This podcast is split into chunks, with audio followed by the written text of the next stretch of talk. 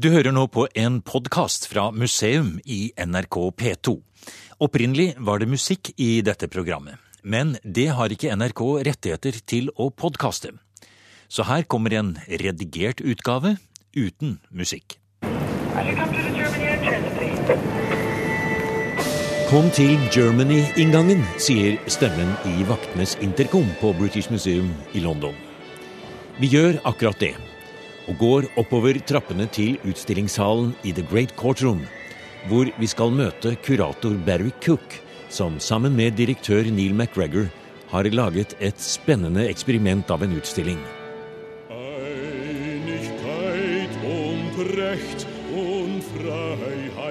Tyskland, en nasjons minner. Memories of a nation. Det skal handle om ikke Tysklands historie, men hva Tyskland er. Og utstillingen tar mål av seg til å utforske denne følelsen av hva som er tysk, helt opp til vår egen samtid.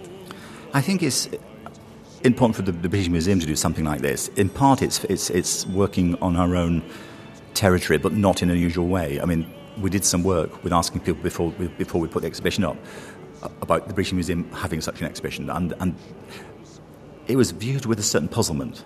Not that Germany was a problem, but the British Museum, why is, the, why is the British Museum doing a modern European country in this way, as opposed to Greece? Hvorfor skal British Museum lage en utstilling om det moderne Tyskland, spurte folk da vi gikk ut med en stor forhåndsundersøkelse, sier kurator Barry Cook. British Museum er jo kjent for sine store samlinger av oldsaker fra hele verden. Verdens flotteste på nesten alle områder. Men dette, murens fall og verdenskrigene, og samtiden, er dette noe for British Museum, spurte folk. Og som kurator Barry Cook sier, svaret var ja. Ikke bare utstilling, men en stor radioserie i BBC4 med museets direktør som vert. En stor bok istedenfor en vanlig utstillingskatalog.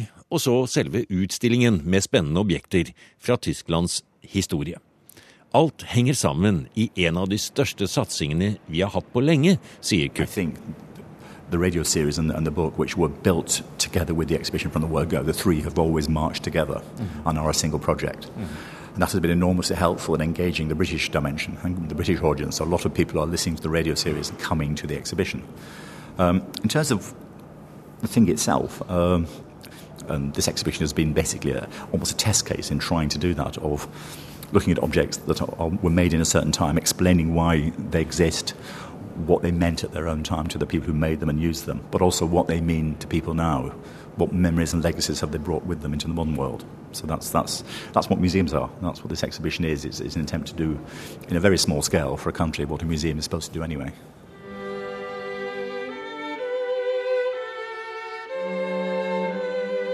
Det vi hører i bakgrunnen her, er Josef Haydns strykekvartett fra 1797 og som midt på 1800-tallet fikk en tekst skrevet av en litteraturprofessor i Schleswig-Holstein.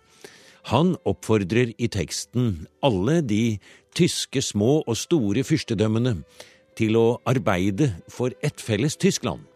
Alle tyske, hvor enn de er på europakartet, må arbeide for enighet, rettferdighet og frihet. Det ble ansett som revolusjonært midt på 1800-tallet, lenge før Tysklands samling. Og det var først i 1922 de tre versene til Josef Haydns såkalte keiserkvartett ble Tysklands nasjonalsang. Vers 1 starter med de berømte ordene Deutschland, Deutschland über alles. Det verset bruker ikke tyskerne mer. Når nasjonalsangen synges i Tyskland nå, bruker man alltid tredje vers. Og det verset starter med enighet, rettferdighet og frihet. The motto itself is old. It, it's, it's, as, as we now know, it's, it's, the, it's the first line of the modern German uh, national anthem, but that is the third verse of the Deutschland über alles um, song, the Deutschlandlied. So again, it, it's, it's a development that was tainted by Germany's more recent past. Uh, and so the, the Einigkeit und Freiheit becomes the symbol of a modern Germany, uh, and, but also it comes out of this older Germany. It's part of that older song. Den helt moderne historien, som bare er 25 år gammel, er selvsagt også med i denne nye utstillingen på British Museum. De Wende, eller Murens fall og gjenforeningen av de to tyske statene, som har blitt skilt etter annen verdenskrig, er representert med en stor hjemmelaget demonstrasjonsplakat fra 1989 i papp. Den viser kartomrisset av det nye, sammenslåtte Tyskland, farget i sort, rødt og gult, og med innskriften Wir sind ein Folk, vi er ett folk, i motsetning til det gamle slagordet i de store demonstrasjonene før murens fall. Da ropte demonstrasjonene, for eksempel i Leipzig, Vi er folket. Men, sier kurator Barry Cook, så falt muren, og så ble det Vi er ett folk. So it's no longer we are the people, which is the, the, the, uh, the motto of the marches we are one people, visit ein Volk. And the, the maker of homemade banner has cut the silhouette of, of, the two Germanys together, a silhouette of Germany that had never previously existed. It's, yet again, Germany has, re, has been reinvented um, as, a, as, a, single country with a modern German flag, which again has a lot of very significant um, almost ideology built into it. It's not the flag of Germany, it's the flag of a liberal democratic Germany. That's what this flag always means. I dag vet alle hvor Tyskland er. Men blar vi litt dypere i historien, så blir hele det tyske mer en idé enn et sted. Hvis Romerriket var det første europeiske riket, så var det tysk-romerske keiserriket det som skulle gjenreise det europeiske imperium. Dette andre riket, grunnlagt av Karl den store i Aachen rundt år 800, varte i nesten 1000 år helt til Napoleon kronet seg selv som keiser i 1806. Og hele den europeiske kulturhistorien, og Europas metropoler, som Aachen, Praha, Strasbourg, Paris, Roma og ikke minst Wien, har hele sin historie knyttet til det gamle hellige tysk-romerske kristne riket, fra Middelhavet til Østersjøen. Så grensene i Tyskland har alltid vært i forandring, både de ytre og de indre. Ikke så rart da kanskje at Goethe og Schiller i utstillingen på British Museum er sitert med dette spørsmålet Hvor er Tyskland? Jeg vet ikke om noe slikt sted. And as you said, it is perfectly true that for centuries Germany was more of an idea than a place. It, it was a, a, Germany of the mind, a Germany of the spirit, a Germany of culture. Um, the famous line by Schiller and, and, and Goethe, where, where is Germany? I know no such place. That references the fact that there is a Germany, but it's not on the map. It's, it's, people spoke German. They were aware of their common culture, their common language, what they perceived of as their common characteristics. But then they knew there was no German state as such. The empire was and wasn't. The old empire was Germany and wasn't Germany at the same time. Mm. So that's what's inbuilt in that phrase, the sheer ambiguity of what Germany meant until at least at the earliest 1870. I know you have a copy of um, the Luther Bible. Going through here, there's Albrecht Dürer, that's Holbein, and here, look at this. Uh, we're, sitting, we're standing next to portraits oh. of Luther and his wife by, by the School of Cranach, yes. looking at the, the 1541 oh, edition of, of, Luther's translation, oh. Luther's German translation of the Bible. Uh, and Luther, of course, has this double edged position in German history. He is the great divider. He created a religious division in Germany. Mm. I mean, Germany, the whole Roman Empire, the German nation, almost deep in its in the bones of its identity was to preserve Christianity. That's what it, that's why it was holy. It is the holy empire. Mm. And so a, a unified religion appears to have been fundamental to its existence. So when you get this massive challenge of, of religious division, it throws it into crisis. Mm. And yet, it, it, the empire itself would become would be resilient enough to survive that crisis, and it would end up that Germany was the one European state which was more or less equally split confessionally. So Luther created that division. He created that crisis. But he also created a unifying force. He created yes. a form of German yes, that would did. become the foundation of modern um, educated formal German. Oh, look at this. He has written. He's written it. a, a, quote. It's his own handwriting. It's his own handwriting. He's written a quote from the Psalms. Ah. Uh, and, and, and he's, he's, he's signed and dated it. Yes, he's signed and dated it. Ah, listen. Mens vi står og beundrer Martin Luthers signerte bibeloversettelse fra 1542, begynner den astronomiske klokken fra Strasbourg å slå. Klokken er laget i 1589, er omtrent en meter høy og spiller en av Luthers salmer.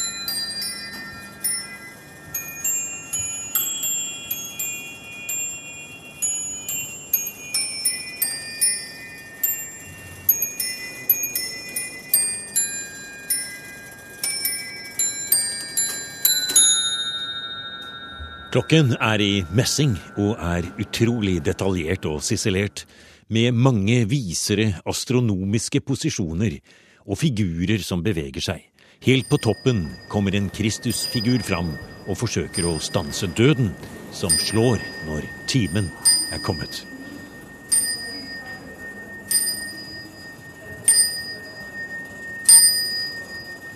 The devil emerges to strike the hour, and Christ then emerges to, to, to, to drive him back and proclaim eternal life. So death so strikes hour on the hour. Yeah, death is striking. Death, basically. But Christ appears to, to, to, to, uh, to, to challenge death. Men la oss vende tilbake til Martin Luther, sier kurator Barry Cook, der han viser oss rundt på utstillingen Germany, Memories of a Nation, på British Museum i London. Selv om Luther splittet det tyske keiserriket på det religiøse området og hadde stor påvirkning via reformasjonen og alle de endringer det skapte, ikke minst i Norden, så var likevel Luthers store bragd i forhold til det tyske at han rett og slett skapte det nye tyske språket gjennom sine bibeloversettelser. En blanding av høytysk og lavtysk, et tysk jeg lærte av min mor på kjøkkenet, og som barna som leker i gaten vil forstå, som Luther selv formulerte sin språkfilosofi 300 år før Ivar Aasen. version of Germany. He was very lucky with where he was. He was in it was in Saxony, which is where high and low German meet. So he, there was a, there was a, a, crossover role anyway, and he had a nice um, basic formal language, the language of the Saxon Chancellery, which is quite a, an elevated version of German, though, and create a very very vigorous, strong an effective version of German that pretty much everybody had to, who, was, who was writing and speaking in the vernacular in a formal way had to acknowledge. Even the, when the Catholics came to do their own Bible translations, they used Luther. They correct him, mm. and, and, they make in their own words, in their own terms, they correct him and point out his errors. But they use his they, they use his, his translation. Yes, exactly. They couldn't do anything else after no. that point. Utstillingen på British Museum som forsøker å finne fram til hva som er ideen om Tyskland, hva som er den tyske nasjons minner, hva som ligger innbakt i kunst, kultur og gjenstander. Er vi på vei bortover mot fascisme og tyranni, nazismen og mellomkrigstiden. Men idet vi snur oss fra Luthers bibel, ser vi rett på Napoleons tosnutete hatt. Og det er selve keiserens hatt, slitt i kanten der Napoleon må ha grepet om den med fingrene når han skulle løfte den til hilsen eller ta den av hodet. Det er sydd inn en liten reparasjon, og vi lurer på hva den hatten gjør her. Og så ser vi at den er fra selve slaget ved Waterloo, funnet gjenglemt i en fransk fluktvogn av prøyssiske styrker som forsøkte å ta keiseren til fange når han trakk seg tilbake fra slagmarken. Yes, it is actually the only non-German object in the exhibition. Yes, um, it's French. It, it is a French made object, obviously. Um, but, it, but it was captured by the Prussians at Waterloo. But again, that itself is, is something to emphasise that, that Waterloo, the great victory at Waterloo, is not a British victory. It is an Allied victory, and without the Prussians, it might not have been a victory at all. So again, one needs to make, make these points. And Napoleon's role as the, as the destroyer of the old Germany made necessary the creation of a new Germany. And you know, he made he set the problem that for 150 years wasn't solved. What do you do with all these Germans in Central Europe? What, what structure did you create to, to, to, to contain, organise, uh, and, and, and, and, mobilise them? And for the next 150 years after 1806, that would be the abiding European question. Med døden som slår på Strasbourg-klokken fra 1589, vender vi oss mot første verdenskrig. Denne høsten har forholdet mellom Norge og Tyskland vært et tema her i museum. Vi har hørt programmer fra Kiel, Berlin og Hardanger om keiser Wilhelm 2. og hans forhold til Norge. Vi har hørt om norske soldater i første verdenskrig, og nå er vi på besøk i British Museum og deres utstilling om hva som er tysk, og Tysklands rolle i Europa. Selvsagt med de to store jubileene som bakteppe. Og da er det nok ikke grunnlovsjubileet, men 25 år siden murens fall og 100 år siden utbruddet av første verdenskrig vi tenker på. Tyskland ble demonisert etter begge krigene. Og kanskje med god grunn. Bestialitetens historie og krigens grusomheter nådde nye høyder, eller kanskje heller dyp, med introduksjonen av masseødeleggelsesvåpen, konsentrasjonsleire, fascistisk massemord på industriell skala, sivilisasjonssammenbrudd og tyranni og tankekontroll på en måte som vi nesten ikke kan fatte.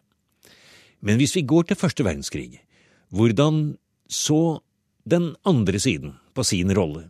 Var det noen kritikk av krigsforberedelser og skyttergravskrigen i den tyske opinionen?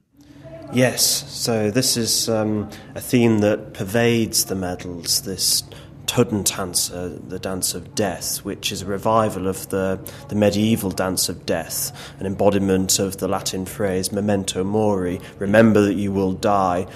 Here he's not um, helping people into the next world, he's actively forcing people, dragging people to their deaths. Dette er kurator Tom Hockenhall som viser fram tyske kunstneres metallarbeider i form av store medaljer med krigsmotiver.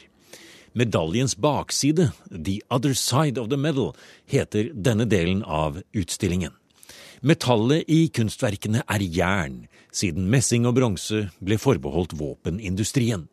Og det er dødsdansen, krigshissingen, som drar soldater og sivilbefolkningen nærmere og nærmere katastrofen, de tyske samtidskunstnerne forsøkte å framstille i 1914. German artists, German medalists, both found a means to convey the horrors, the cataclysm of this apocalyptic scenario by using the dance of death motif. So the print that we're looking at is by a rather obscure artist called Irupka, and it shows death pouring a cup of steaming hatred onto the landscape. You can see it's a, a bucolic scene, a, r- romantic uh, scene of a, perhaps a German or even an Austrian village, and death is here bringing the destruction from, from the skies. Mm. Det er jo ikke akkurat så kjent, sier Tom Huckenhall, i hvert fall ikke nå lenger, at det fantes en antikrigsbevegelse blant kunstnerne i Tyskland før utbruddet av første verdenskrig. Men den store samlingen av relieffer og metallkunst på British Museum viser at det i hvert fall var noen stemmer som talte mot dødsdansen. These, I think it is fair to say, are anti-war don't necessarily dismiss the idea of heroism in death or heroism in battle, but they certainly do undermine the notion that there, there, was heroism in the way soldiers of the First World War died. And as you can see here, um, the, the medal on the right is by an artist called Hans Lindel, and death is scything down soldiers using a, a giant sword, perhaps even using the sword of Siegfried against the, against the German people you know, from the, the great. Den mest omstridte av alle tyske krigsmedaljer er den som ble laget da det britiske passasjerskipet Lusitania ble senket av en tysk ubåt mens det var på vei fra New York til Liverpool i mai 1915. Men igjen, sier kurator Tom Huckenhall, de tyske kunstnerne tok ikke side i selve krigen, selv om mange av de kritiske medaljearbeidene ble brukt i den britiske propagandaen. Kunstnerne var imot krigen i seg selv. Og hvis noen hadde skylden, ifølge disse tyske samtidskunstnerne, så var det den industrialiserte verden, og at døden selv sto bak billettluken og solgte billetter. Here the enemy is not um, is not the British or the Germans or indeed anyone. In fact, the um, the enemy here is is, is arguably industrialization that um, is overtaking and dwarfing humanity uh, that cling to the sides of the sinking ship. Goetz really wasn't actually he wasn't directly criticising the British. He acknowledged that it was carrying armaments, which therefore provided a legitimate reason for, for Germans to declare this ship to be a naval target. However, what Goetz is criticising is the um, directorship of Cunard, the, the liner which mm-hmm. owned and operated the uh, RMS Lusitania, and it's criticising for, for allowing the ship to sail from New York. After it had been um, declared a naval target. So there there was a certain knowingness about the, the, the, directors, the directorship, in that they still allowed the ship sail. And here we can see again reviving the the, the Totentanz motif. You've got mm. instead of um, a ticket operator, you've got Death himself selling tickets to um, these innocent civilians, and uh, accompanied by the inscription uh, "Business above." All or business above everything. Business as usual. Yes. Hva betyr første verdenskrig for Tyskland? Um, jeg levde jo ikke i den tid. Nei. Jeg, jeg, bare fikk det overlevert. Og kanskje mitt inntrykk kommer først av den kunstneriske retningen. Og da kjenner jeg meg ganske godt hjemme i. Så det var et fullstendig brudd. Den moderne krigsføring først og fremst. Den tyske historikeren Stefan Gammelien fra Nord-Europa-instituttet på Humboldt-universitetet i Berlin har vært med i museum tidligere, som ekspert på keiser Wilhelm 2.s mange norgesreiser. Kollega Jan Henrik Illebekk spurte også Gammelien om hvordan han tror første verdenskrig påvirket tyskernes mentalitet og selvbilde. At den gamle tyske staten ble avskaffa, det var nok de aller fleste med om. Enige om. At det ikke var noe som skulle bli bevart. Bare de høyre Ganske langt på høyre side kreftene som ville bevare eller gjenskape. Eh, men likevel, første verdenskrig ble først og fremst en splittelse for det tyske folket. Det vil jeg si at det fins flere eksempler på. Hvis du ser på Weimar-republikken, mm. Eh, denne politiske radikaliseringen som fantes, ikke bare i utgangen til 20-tallet, men også i begynnelsen, med Spartakusbund, uh, Hitler-putsch allerede, mm. uh, og inflasjonsgreier uh, på 1923, altså med høydepunkten i 1923.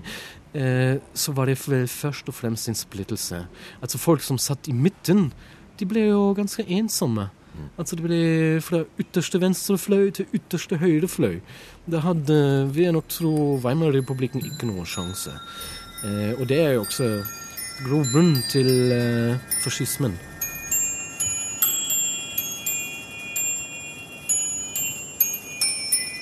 Weimar-republikken og den tyske mellomkrigstiden har en stor avdeling på utstillingen Germany Memories of a Nation på British Museum som vi har vandret gjennom i dette programmet. Weimar er selve hjertet av Tyskland gjennom alle tider, sier kurator Barry Cook. Her vandret Goethe omkring, her ble den verdenskjente Bauhaus-bevegelsen startet. En designretning som i nasjonalsosialismen under Hitler og Goebbels ble erklært som uønsket, som degenerert kunst. Det skulle utryddes sammen med alt annet som ikke stemte med det ariske selvbildet. Og det er jo helt ironisk at den stolte Buchenwaldskogen midt i Weimar, med de eldgamle eiketrærne Goethe diktet om, ble hugget ned for å gi plass til nazistenes første konsentrasjonsleir, sier Barry Cook, og stanser foran en jernport med en innskrift i dansende flotte bokstaver. Den er fra Buchenwald, og ordene sier zu jedem das Seine.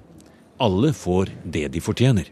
anything that can be tainted, the Nazis tainted. They took the German oak and introduced it. They Goethe and sort of over him, and they took Weimar and, and, and made Buchenwald camp. I mean, they, they, did all these things for governed by this strange motive of, of creating a new Germany. Mm-hmm. We are at the heart of Germany. We are, we are in Weimar. We are, we are at this heart of the civilized of Germany's culture and civilization. And yet, even here, you can get this monstrous um, camp being erected.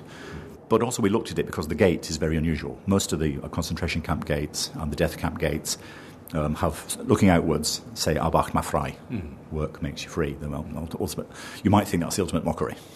But Buchenwald went a step further. The gate looks in. This gate looks inwards. This is what the inmates looked at. Wow! So we're on the we're inside. On the inside, looking out, and yes. so the, the, lettering, the phrase is not Albach Machfrei.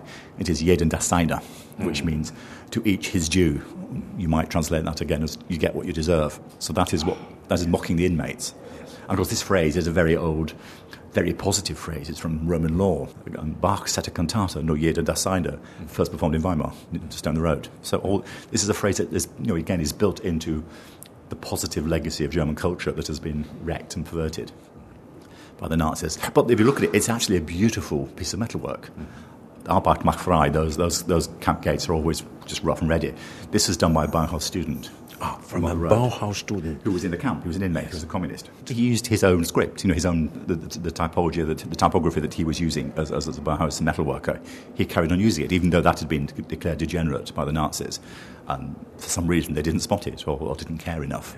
And so this was inside, this is in the camp, in the camp, and they walked through this gate every day. And so it is a continuous um, um, emphasis of this, this, on this, this strange, beautiful dancing lettering, proclaiming this great high um, phrase in this most degraded of settings. Du har nå hørt en podkast av programmet Museum fra NRK P2. Og send gjerne en e-post til museum.krøllalfa.nrk.no. nrk.no.